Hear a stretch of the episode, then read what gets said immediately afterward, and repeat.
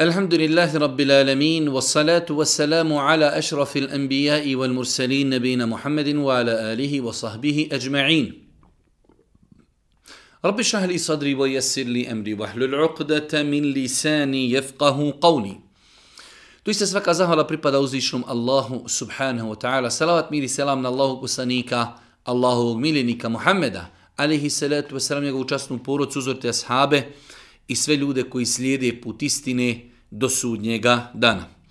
Uvaženi braći i poštovani sestre, uvaženi gledatelji, evo nas u još jednoj emisiji u kojoj se družimo sa vašim pitanjima i vašim dilemama. Ako smo dobro brojali, ovo je naša 105. emisija. Prvo pitanje, eselamu alaikum, zanima me da li je istina da ukoliko nam ispadne i pukne staklo, da ćemo imati sedam godina nesreće? Hvala na odgovoru. E, više pitanja u zadnjem periodu mi je došlo na ovaj neki kalup da ako čovjeku padne i ispadne neki predmet od stakla ili slika ili nešto slično to mi kao da to e, nosi po čovjeka neku nedaću ili neku nesreću i tako dalje. E, to nema nikakve, nikakve, znači apsolutno veze sa islamom, čisto sujevjerje koje nema, znači apsolutno Mm, zato ne postoji nikakav dokaz, tako da ljudi ne treba time da se opterećuju.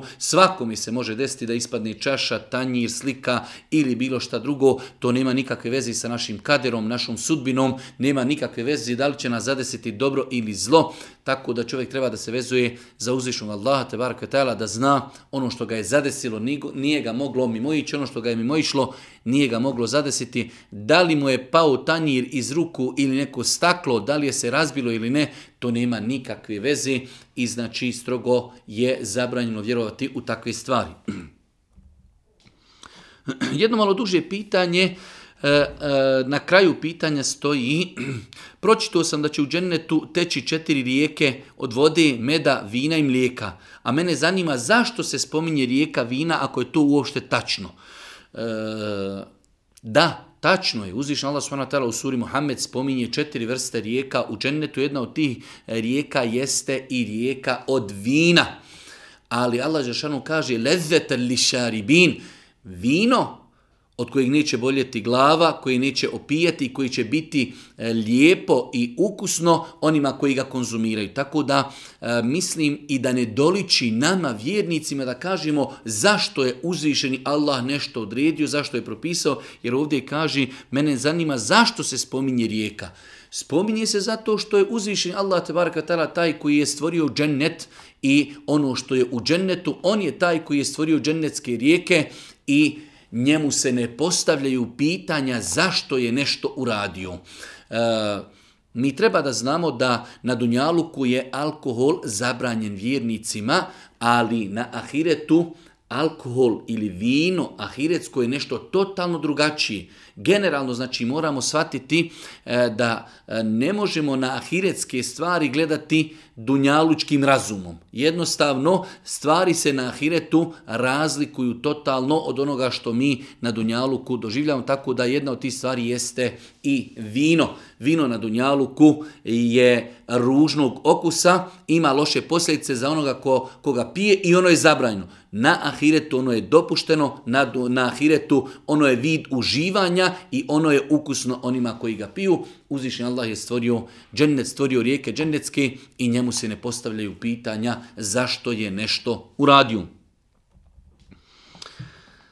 Zanima me da li je dozvoljen, dozvoljen brak između bajrama. E, nema smetnje nikakve šerijatske da se čovjek oženi između bajrama ako je baš ono tijeli mak na konac uvijek je između Bajrama, ali kada se kaže između Bajrama misli se na e, period između Ramazanskog i Hadžijskog Bajrama, pošto je taj period nekih neki dva mjeseca i deset dana, pa postoji u narodu isto jedno znači neispravno uvjerenje, a to je da je neispravno sklapati brak između Ramazanskog i Hadžijskog Bajrama, što je opet neispravno i nema nikakvo utemeljenje u islamu. Kako da, naj, kako da najbolje radna kolegica koja je druge vjere počne da čita privod Kur'ana, a da joj nije teško u vezi abdesta i ostalih propisa? E, generalno, nemuslimani mogu čitati prijevod Kur'ana bez ikakve posebne procedure.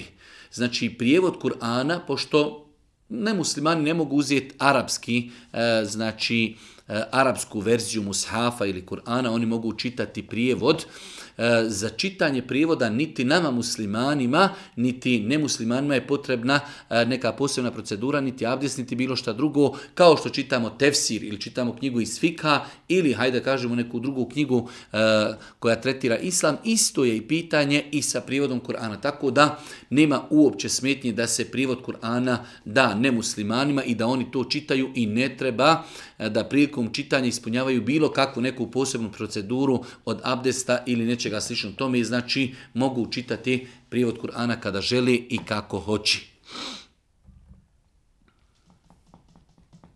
Da li je dozvoljeno operisati lice ako se ima urođena deformacija vilice i lica, bez obzira da li je nije da se uljepša lice?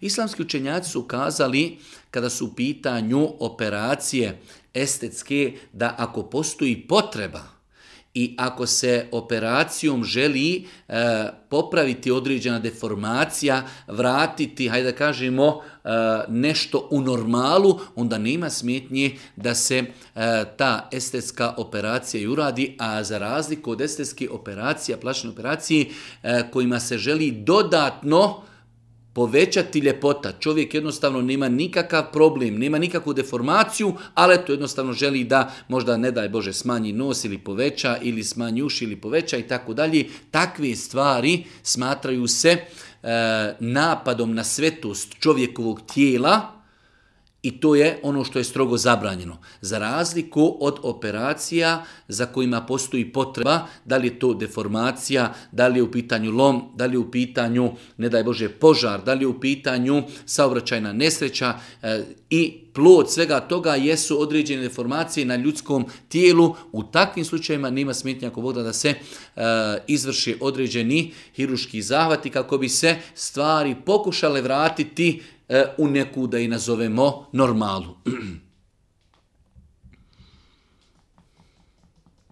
Esselamu alaikum, molim za jednu pomoć tiče se toga da sam počela klanjati prije dva mjeseca, ali najteže mi je čuvati abdest čak i u toku namaza, nekad i dva i tri puta i više se vratim za abdest i tako dalje. E, problem je sa gasovima, puštanjem vjetra. U svakom slučaju e, imamo dvije situacije. Imamo situaciju kada se čovjeku pričinjava da pušta vjetrove imamo situaciju kada se čovjek u namazu pričinjava da pušta vjetrove, zato je došlo u hadisu da Allah poslanik rekao la sarif ne smije čovjek prekinuti namaz, la sarif zabrana, dok ne bude siguran da je pustio vjetar. Znači dok ne bude siguran. A e, vesvese, došaptavanja, umišljenost, zbog toga čovjek ne smije prekinuti namaz. Znači imamo prvo pitanje jeste e, da imamo dosta puta ljudi imaju problem umišljenosti. Umišljenosti da puštaju vjetar, a oni u osnovi ne puštaju vjetar. To je jedna strana. S druge strane, ako bi se doista desilo da imamo ljuda, a imamo i takve medicinske slučajeve, da ljudi ne mogu kontrolisati e, vjetar, onda kažemo da se e, na takve ljude odnose propisi kojeg su islamski učenjaci nazvali sahibi uzr. čovjek koji ima validno šerijetsko opravdanje pa islamski učenjaci kažu u pogledu e, puštanja vjetra, mokraće, pa nekada čak i znači ugradnja katetera i mnoge druge stvari kod žena isticanje krvi tihaze, sve te stvari potpadaju pod ovaj moment sahibi uzra. E, sahibi uzra se dijeli u dvije kategorije. Imamo kategoriju ljudi koji jednostavno e, imaju samo periodično problem sa vjetrom ili periodično problem sa mokraćom ili periodično problem sa E, krvlju kod žena, tada učinjaci kažu osoba će sačekati taj period i kada prestani situacija kada ne može tu kontrolisati, uzeti će abdest i klanjati sa abdestom. Ako je u pitanju druga situacija kada čovjek kontinuirano ima problem sa nekontrolisanjem vjetra ili mokraće ili krvlju, isticanje krvlju kod ženi, u takvoj situaciji insan će e, na početku namaskog vremena se očistiti, zaštititi, uzeti abdest i klanjati, bez obzira što možda u toku namaza osjeti da je izgubio abdest, on nema drugu opciju, niti ima drugo rješenje, klanja će onako kako može. Tako da znači, ako je u pitanju osoba koja ima kontinuirano problem u ovom slučaju, ako je u pitanju žena koja ima kontinuirano problem sa vjetrom, onda će ona uzeti abdest na početku namaskog vremena, klanjati bez obzira šta se desilo. Ako se to dešava periodično, samo primjer radi nakon obavljene fiziološke potrebe 10-15 minuta, pola sata, tada će insan sačekati i nakon toga lijepo abdestiti i klanjati pod abdestom. Da li nam možete objasniti kroz e, videoklip e, pravilno dizanje ruku u namazu? Dosta bi nam pomoglo i tako dalje. E, dizanje, kakvoća dizanja ruku u namazu, imamo nekoliko stvari. Prva stvar u kojoj visini se dižu ruke. Islamski učinjaci na osnovu vjerodostojna disa kazali su da se ruke u namazu podižu u visini ramena, znači jednostavno čovjek opusti ruke i samo i presavije u visini ramena i u visini ušiju. To je prvi moment, znači da dižemo ruke u visini ramena i u visini ušiju. To je prva stvar. Druga stvar, kako će ruke, e, da kažemo, biti postavljene, odnosno prsti. Prsti neće biti skupljeni, niti će biti rašireni. Biće u nekoj, hajde da kažemo, normalnoj, normalnoj poziciji i normalnom stavu i bit će ispruženi, okrenuti prema kibli. To bi otprilike ovako izgledalo, znači da čovjek podigne ruke ovako ili da podigne ruke ovako. Doticanje resica uha, znači nije zabilježeno u eh, hadisima Božijeg poslanika alihi salatu sam tako da čovjek ne treba da se opterećava niti muško, niti žen, eh, žena, niti muškarac, znači ruke onako kako je prenašteno od Božijeg poslanika dižu se u visini ramena ili u visini ušiju, neće prsti biti spojeni totalno niti rastavljeni, već u nekoj normalnoj znači poziciji bit će ispruženi i okrenuti prema kibli. To je neki način, e, znači kako je zabilježeno u hadisima Božih poslanika, ali se ratu nam da bi on dizao ruke prilikom, znači, e, stupanju namaz i prilikom drugih tekvira u namazu. E, osmo pitanje, da li dozvoljeno djevojčici od 15 godina da ide na ekskurziju sa svojim vršnjacima, djevojčicama i dječacima, gdje bi se o znači gdje o učenicima bi se brinuo razrednik i ostali nastavnici. Ove godine završavam deveti razred i u našoj školi se e, praktikuje odlazak na ekskurziju u inostranstvo, u Italiju i tako dalje. Pitanje je znači da li ostaje, ostaje se na, na znači, putovanju četiri noći. E, djevojčica od 15 godina već je ili je postala punoljetna ili je na samoj granici punoljetstva. Pošto smo kazali da je jedno od najjačih mišljenja u islamu da insan znači kada napuni 15 godina, bez obzira da li se vidjeli bilo koji drugi e, pokazatelj punoljetstva da je on punoljetan bio muškarac ili žena, iako na našem podneblju u mnogim slučajevima žene dobiju mjesečnicu i prije 15. godine, tako da dobivanjem mjesečnici e, e, djevojčica u islamu postaje punoljetna.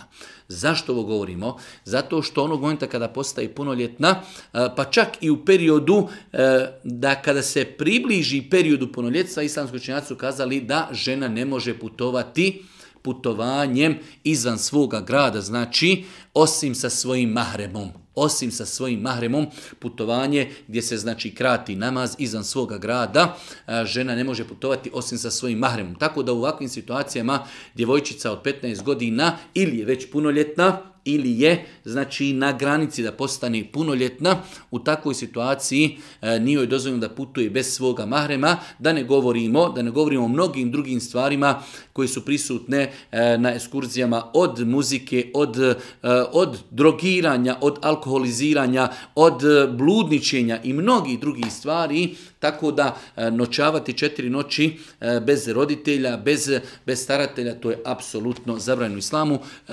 roditelji trebaju da svojoj djeci, da kažemo, naprave i urade alternativu u redu ako vi putujete sa školom u Italiju, mi ćemo otići e, porodično u Mostar, otićemo u Krajinu, otićemo u, otićemo u Istanbul i tako dalje, posjetit ćemo neka e, lijepa mjesta da bi nadomjestili svojoj djeci taj odlazak, sporni odlazak na ekskurziju.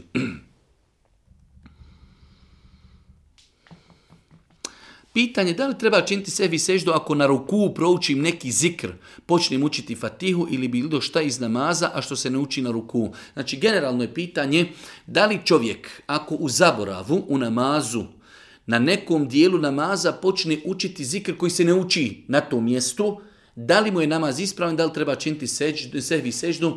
E, primjer radi, ako bi čovjek E, na seždi počeo učiti zikrove koji se uče na ruku i zaborava i obrnuto. Kada bi na ruku učio zikrove koji se uče na seždi ili obrnuto u svakom slučaju u takvim situacijama čovjek kada se sjeti prestaće i nastavit će učiti one zikrove koji su propisani, to mu neće pokvariti namaz, niti treba zbog toga činiti sehvi seždu. Znači, ako se desi da u zaboravu jednostavno čovjeka nekada ponese, pa na određenom mjestu u namazu počne učiti nešto što se ne uči na tom mjestu, kao kad bi čovjek na, na, na, na, na počeo učiti etehijatu, kao kada bi na ruku počeo učiti fatihu. Znači jednostavno učimo nešto i od namaza, ali na pogrešnom mjestu. Da li takva stvar kvari namaz? Ne kvari namaz, jer je to čovjek uradio iz neznanja. Da li zbog toga treba činiti sehvi seždu? Inšala, vi nema potrebe se u takvim situacijama učini e, sehvi sežda. Poštovani, sutra imam važan pregled u bolnici koji čekam godinu dana i više. U porodce jutros umru otac od, od e, snahe. Molim vas da mi kažete koliko vremena se uči tevhid da vidim mogli stići da odem poslije i na pregled.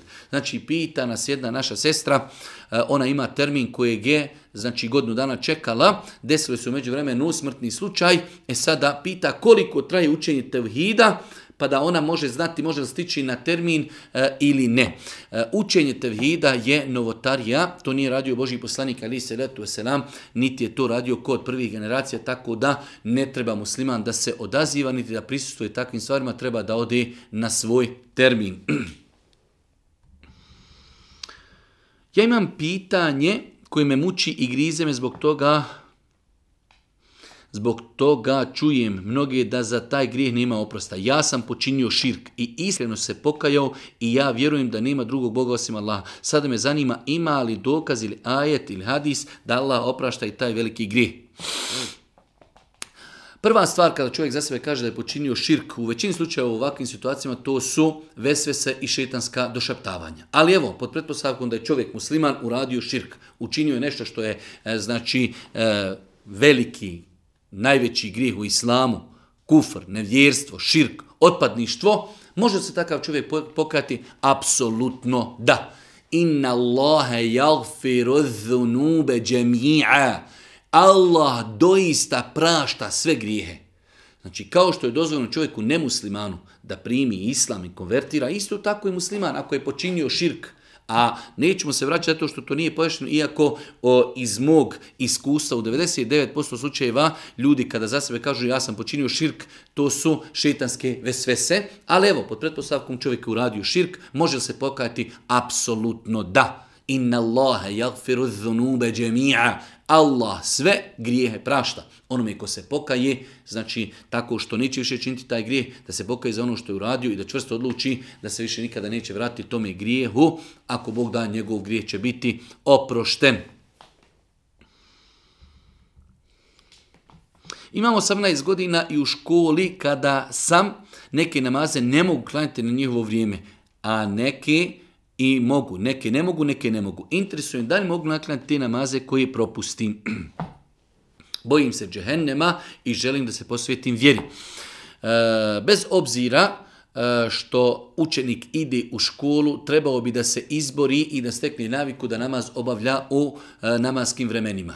Mi smo stava e, da namaz je vremenski ograničen i namaz kojeg smo propustili, nismo ga klanjali nego u namaskom vremenu, takav namaz se naklanjava, stoga je stroga obaveza čovjeku da namaz klanja u namaskom vremenu. U svakoj školi čovjek mora između, između časova imati 5 minuta e, pauze ili odmora, znači negdje u čošku kabinet ili zatražiti od direktora ili pedagoga ili već bilo koga koje je e, nadležan za takvu stvar, neki prazan kabinet ili neka, neka prazna prostorija u školi, znači da učenik ode i pet minuta mu je dovoljno ako Bog da da, klanja samo farze i da se ponovo vrati e, na nastavu. Tako da ono što savjetujemo jeste da se djeca bori i izbori za svoja prava. Namaz nakon što dijete postane punoljetno, je stroga obaveza svakom muslimanu, ne smije se propuštati iz namanskog vremena i to je jedan od najvećih grijeha u islamu. Hvala uzvišno Allah subhanahu ta'ala živimo eh, u takvom vremenu i takvom prostoru i takvoj situaciji i takvoj državi da bez eh, znači, većih znači veći poteškoća eh, učenik se može izboriti u svojoj školi da znači u nekoj posebnoj praznoj prostoriji obavi obavi namaz. E, ovo je pitanje napisano na makedonskom, pa sam morao čak kontaktirati neke ljude da mi to malo i prevedu, ali ima nešto i na bosanskom. Majka mi saka da ide na hađ, inšala, ove godine, ali kaže ja kao njen sin ne mogu da idem sa njom, ali bi sa njom da ide njen brat po mlijeku. Da li njen brat po mlijeku može biti njoj mahrem? Ja sam to preveo sa makedonskog na bosanski. Eh, ako se radi doista o bratu po mlijeku, jer da bi neko nekom je bio brat po mlijeku, eh, mora ista žena da ih zadojila pet puta, pet puta eh, u periodu prije nego što su napunili dvije godine. Znači, ako ista žena zadoji dvoje djeci po pet puta i prije nego što su prije nego što su napunili dvije godine, ta, to dvoje djeci postaju braća, i brat i sestra po mlijeku. E ovdje kaže čovjek, ja, moja majka želi da ide na hađ, ja ne mogu ići sa njom, ali ima njen brat po mlijeku koji bi išao na hađ, da li on može biti mahrem? Apsolutno da. Apsolutno da, samo ako je u pitanju, znači doista njen brat po mlijeku, e, e, da je se doista desilo e, zadajanje onako kako smo pojasnili. Esselamu alikum, da li je ženama dozvoljeno da se koje su pokrivene da se obuku provokativno samo za svoga muža kada su sami. Prihvatila sam islam pa zato i ne znam osnovne propise i tako dalje. Da li je ženi dozvoljeno kada je sama u kući sa svojim čovjekom da se obuče provokativno i da se uljepša svojem mužu? Apsolutno da. Ne samo da je dozvoljeno, čak je pohvalno i lijepo. E, ako je dozvoljeno supružnicima da jedno pred drugim budu bez ikakve odjeći, pa da žena obuče nešto što je provokativno, da bi se uljepšala svome čovjeku, apsolutno je mnogo prioritetnije i mnogo dozvoljenije. E, tako da ne samo da je to dozvoljeno, čak šta više i pohvalno je da žena se srijedi i uljepša svome mužu.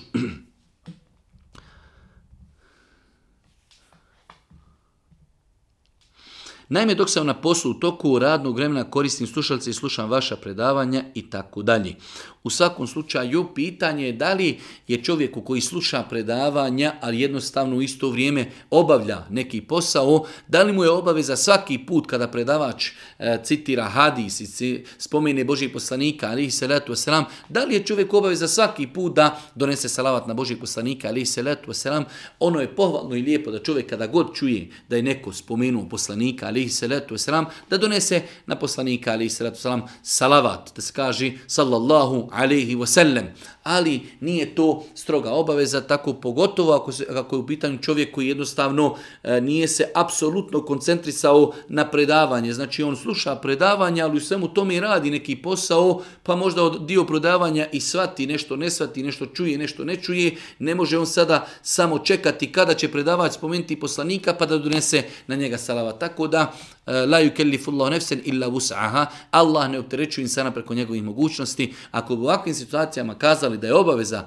donositi salavat Božijeg poslanika, to, bila, to bilo veliko opterećenje za insana, tako da insan kada čuje, kada je svjestan, kada razumije da je predavač donio, e, spomenu poslanika i donio na njega salavat, to će uraditi onaj ko sluša predavanje, ako nije uradio duboko, duboko, duboko se nadamo da inšala nije griješen zbog toga.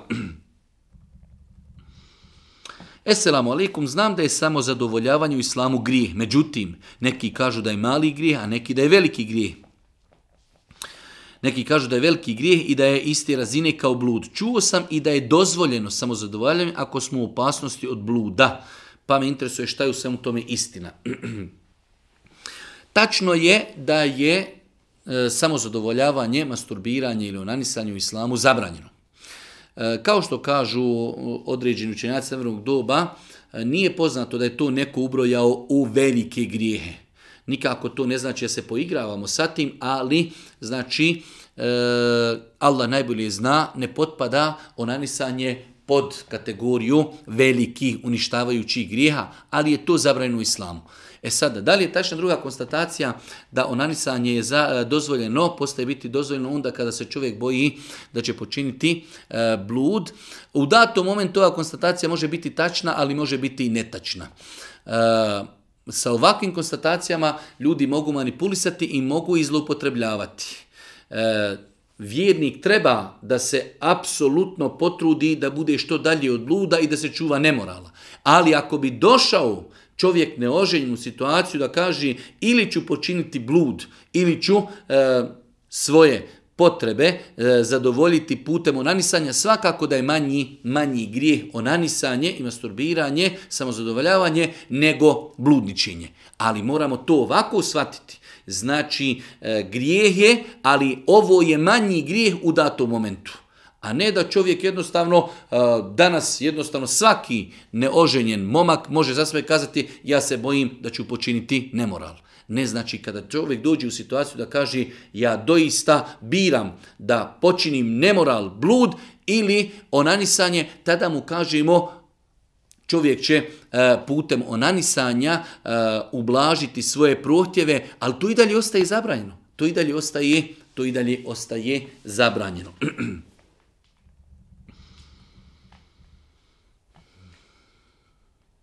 Šta savjetujete bratu koji radi u radnji gdje se kupuju i prodaje alkohol i koji, rad, e, koji hrani svoju porodcu pravijeći cigare, u narodu poznate kao motane cigare?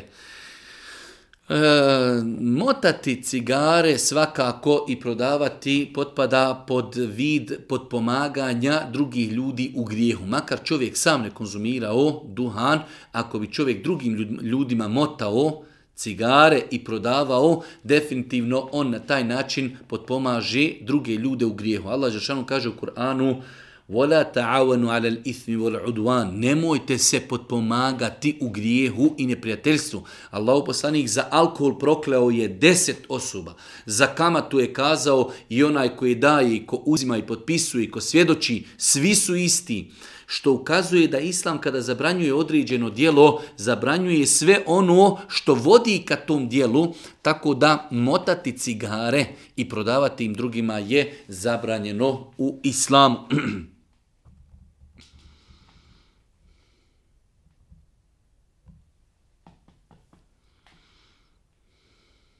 Činio sam dosta grijeha, da li treba da se pokajem za svaki posebno i kako da to uradim da bi se vratio Allahu i počeo da klanjam. Kazali su islamski učenjaci da osoba koja je radila više grijeha, nije uvjet da sad mora da se pokaji za svaki grijeh pojedinačno, dovoljno je da kaže gospodaru, kajem ti se, vraćam ti se, ostavljam ono što je zabranjeno i nespravno, počinjem živjeti moralnim i e, da kažemo ispravnim životom, ako Bog da to je dovoljno. Ta jedna, da je nazovemo opća teuba i opće pokajanje, sada čovjek možda koji radi u 5, 7, 10, 12 strašnih grijeha, ne mora on kazati, e kajem se za ovo, kajem se za ovo, kajem se za ovo, kajem se za ovo, dovoljno je da kaže gospodaru ono što sam radio je neispravno, vraćam ti se, ostavljam, popravljam, obećavam, neću više, iako Bog da takva teuba i takvo pokajanje je dovoljno svakako, rekli smo da bi teuba i pokajanje bilo e, potpuno, ispravno, primljen kod Allah, te treba da čovjek odmah prestane sa činjenjem grijeha, da čvrsto odluče se više neće vraćati i da se pokaje i da znači izgara u dubini svoje duše zbog onoga što je radio i što je činio.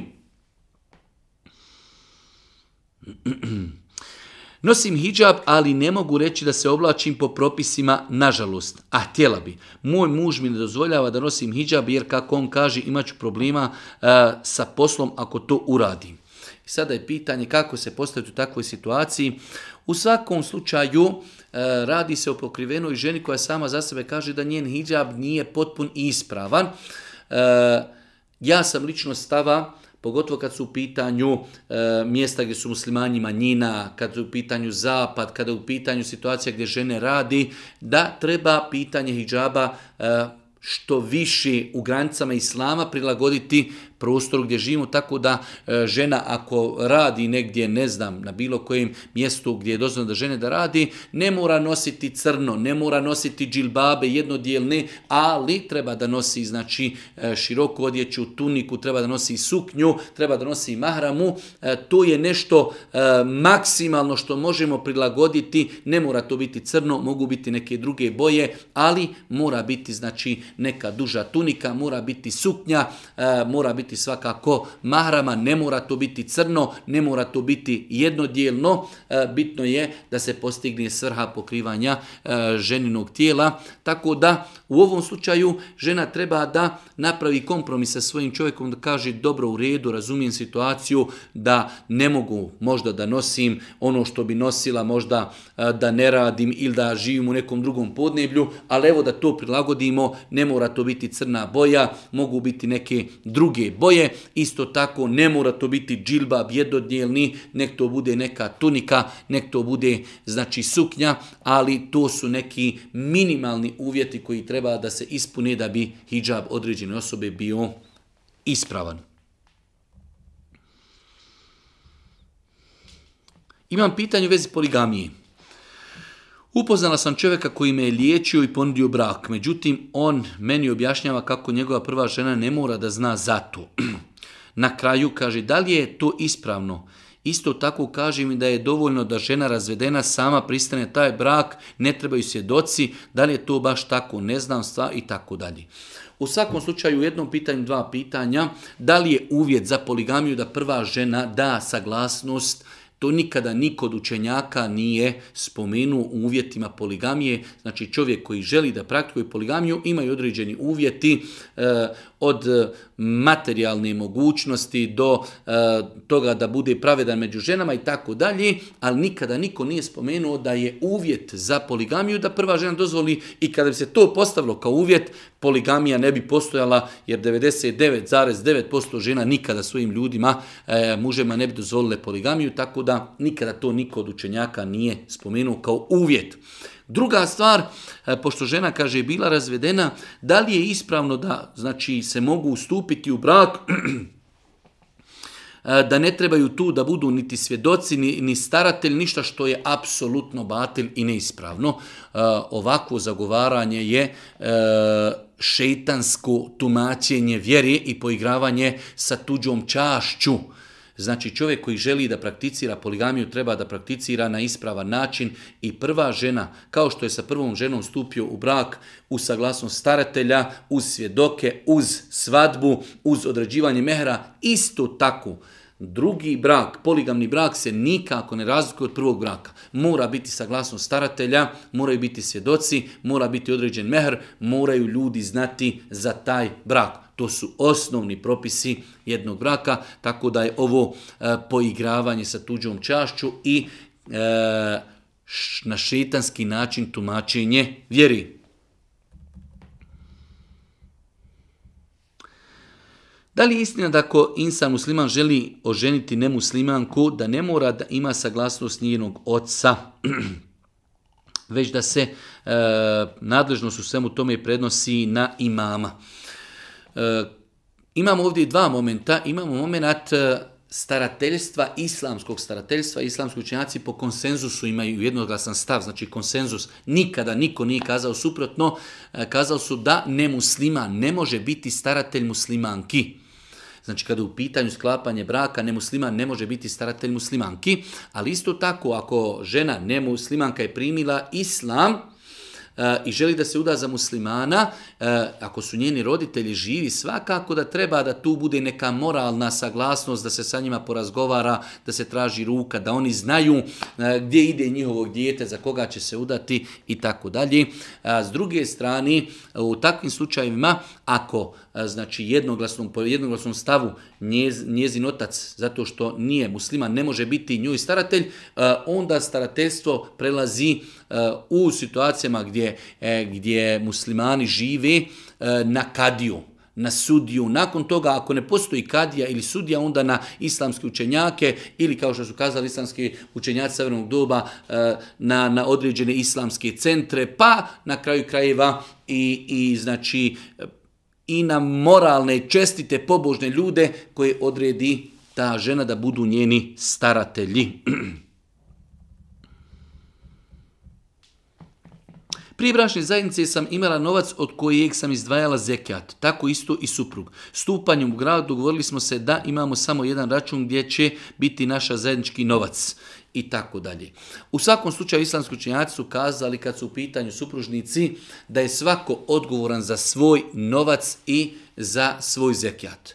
Tako da e, supružnici trebali da se potrudi da znaju otprilike koliko ko od njih ima novca i kada svako od njih zasebno dostigne nisab i kada njegov imetak pregodini, tada treba da izdvoji zekijat.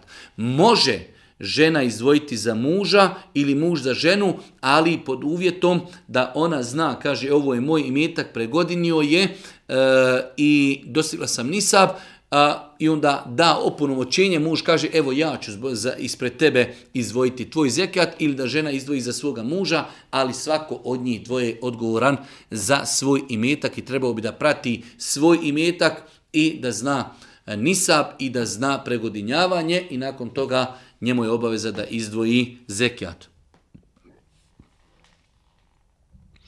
Brat mi je preselio prošle sedmice i bio je vjernik e, koji je prakticirao islam onako kako je najbolje mogao. Sada treba biti organizirana sedmina i četiresnica. Pročita vašu izjavu kako to nisu islamski običaj nego novotarije pa sam se našao što naš narod kaže u neobranom grožđu i tako dalje. Kako pojasniti rodbini da je to neispravno? U svakom slučaju, definitivno, sedmina i četiresnica su novotarije koje nije prakticirao niti Boži poslanik, ali se selam, niti neko iz prvih generacija. Čovjek vjernik treba da pokuša e, nasljednicima Mejita pojasniti da to neće koristiti njemu jer je to E, dijelo novotarija nije propisano u islamu. Boži poslanik ali sad sam kaže ko uvede u ovu našu vjeru ono što i ne pripada, bit će mu odbijeno. Ne prihvata se. Novotarija se ne prihvata kod uzvišnog Allaha te baraka ta'ala. Ako mogu shvatiti, dobro i jest. Ako ne mogu shvatiti, čovjek neće u tome učestvovati. Treba da pokuša da pojasni da je to stvar znači uvedena u vjeru da na tome nije bio sunet Božih poslanika, ali se ratu selam, niti praksa najboljih generacija. Ono što se može za u rati jeste dova, može se dati trajna sadaka, može se za njega obaviti hađ ili umra, pa počet nekim učenjacima može se i proučiti nešto od Kur'ana i poklonuti e, nagrada tog učenja Kur'ana se pokloni Mejitu. To su stvari koje se mogu raditi za Mejita, a organiziranje sedmine četiresnice apsolutno neutemeljeno u islamu.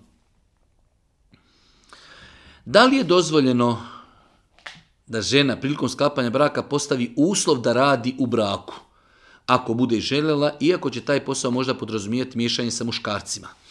Ovdje imaju dva pitanja. Da li je dozvoljeno ženi da prilikom sklapanja braka uvjetuje čovjeku prilikom sklapanja braka da joj dozvoli da radi kada njih dvoje budu u braku, to je dozvoljeno. Islamski učenjaci su spomenuli da je to dozvoljen uvjet. Da žena, primjer radi, ako je se školovala i došao je čovjek prosac, kaže želim da se, da se uzmem, ona kaže vidi ja ću se udati, ali želim da mi dozvoliš da radi. Školovala sam se i stručna sam i tako dalje, imam želju, imam volju, imam afiniteta. Ako on prihvati taj uvjet, onda ju to treba i ispuniti. Ali, s druge strane, islamski učinjaci su kazali da žena treba da uvjetuje i ako uvjetuje, da je taj posao u osnovi halal i dopušten. Tako da, znači, ženi je dozvoljeno da uvjetuje, ali da uvjetuje ono što je dozvoljeno u islamu. Majka mi ide na umru, želim da je podržim financijski. Da li mogu da te pare da namijenim za sadaku ili zekijat? Ako ne, može li neki savjet? E, majka treba da bude na mnogo većem nivou da bi našoj majci za putovanje umri davali sadaku ili da bi joj davali zekijat. Majci treba da damo hediju i poklon, e, kojeg će ona ako Bog da iskoristiti na putovanju svome na umru. Nije majka neko kom se daje sadaka, a da ne govorimo kako majka nije neko kom se daje zekijat.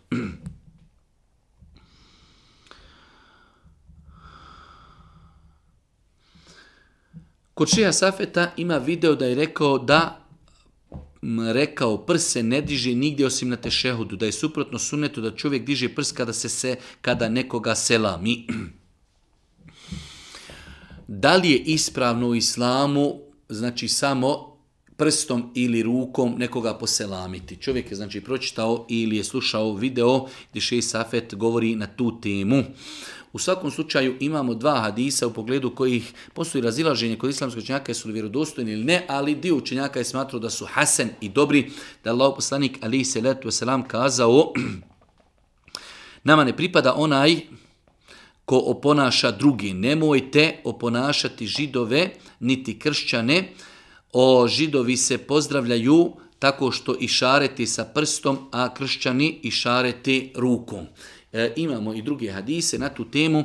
Sodno tome islamski učenjaci su kazali e, čovjeku islamu kada se selami treba da se poselami riječima, da kaže eselamu alaikum, alaikum selam. E, ako je neko na udaljenosti, onda će čovjek podići ruku kao i šareti da vidi da ga selami, ali će izgovoriti selam to je znači imamo prvo da čovjek po i riječima, drugo da išaret poprati izgovaranje selama i treće da samo išareti ili prstom ili rukom, to je ono što je zabranjeno.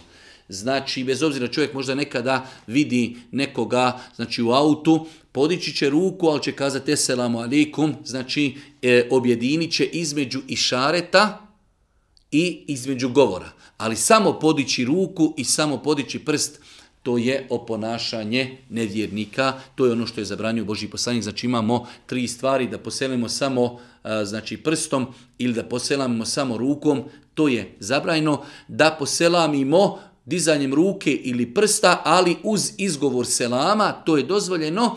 I imamo treću opciju da poselamimo onako riječima bez znači dizanja ruke ili prsta, što je svakako dozvoljeno i potvrđeno sunetom Božih poslanika. Alihi salatu wasalam. 27. pitanje, poštovani še, znam da su mevludi novotarije, a novotarija je zabluda i haram. Želim vas pitati da li je ispravno praviti mevlu za novorođenče? Nikada ranije u životu nisam čula, osim akike i klanja životinje, i klanja životinje e, da se mevludi pravi za djecu i tako dalje. E, apsolutno, znači, e, tačno. Riječ mevlud znači mevlud, dan rođenja. Zato se kaže e, Mevlud, bo, znači dan kada je rođen Boži poslanik, Ali, salatu wasalam.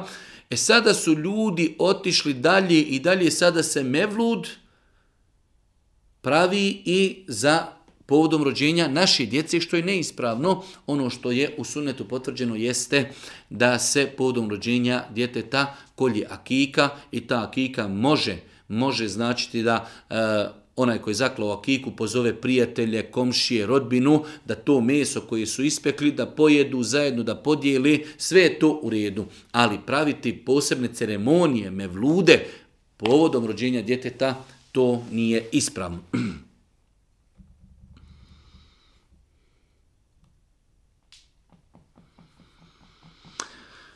Klanjam isključivo po sunnetu i namaz obavljam u džematu ili džami, to, to džematljama smeta pa su mi prišli i izokola počeli govoriti da ih to dizanje ruku zbunjuje, ometa, da stršim i tako dalje i da bi trebali da budimo svi, da se isto ponašamo. Šta da radimo u takvoj situaciji?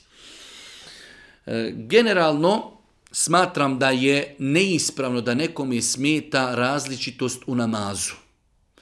Znači imamo, kao što imamo mezhebe koji smatraju da se ruke u namazu ne dižu, isto tako imamo mezhebe koji su prihvatljivi, ispravni, regularni, validni, koji smatraju da se ruke u namazu dižu.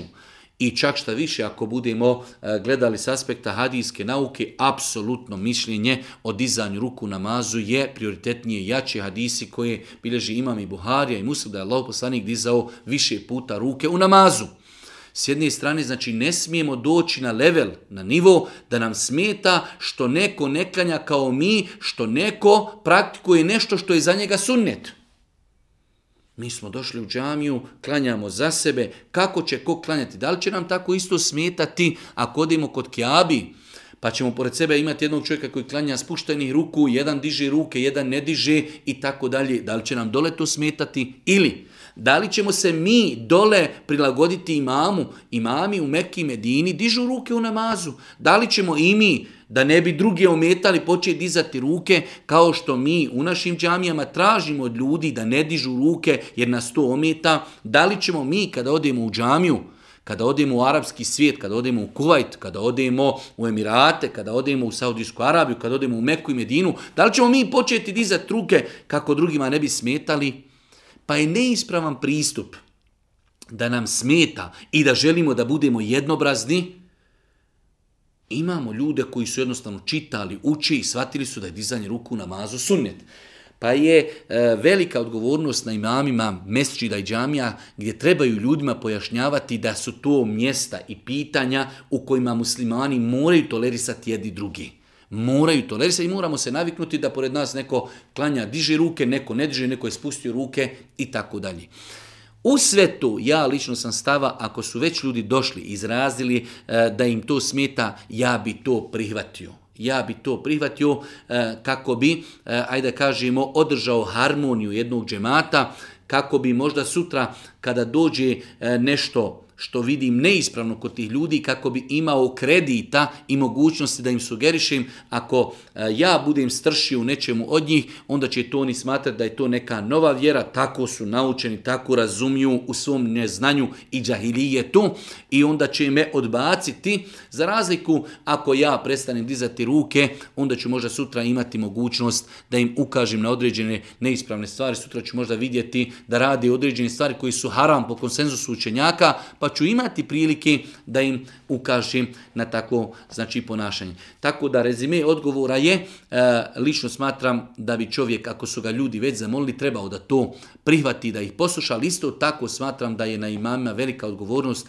da ljude treba podučavati, da razumiju i privataju i tolerišu različitosti. Da li nam smeta kada u džamiju preko ljeta dolazi Arapi i znamo to je Arapi, diže ruke u namazu i niko nama ne smeta. Ali kad dođe naš bosanac, diže ruke nama odjednom, nešto proradi u nama pa nam to smeta što je pokazatelj našeg neznanja i naše netolerancije.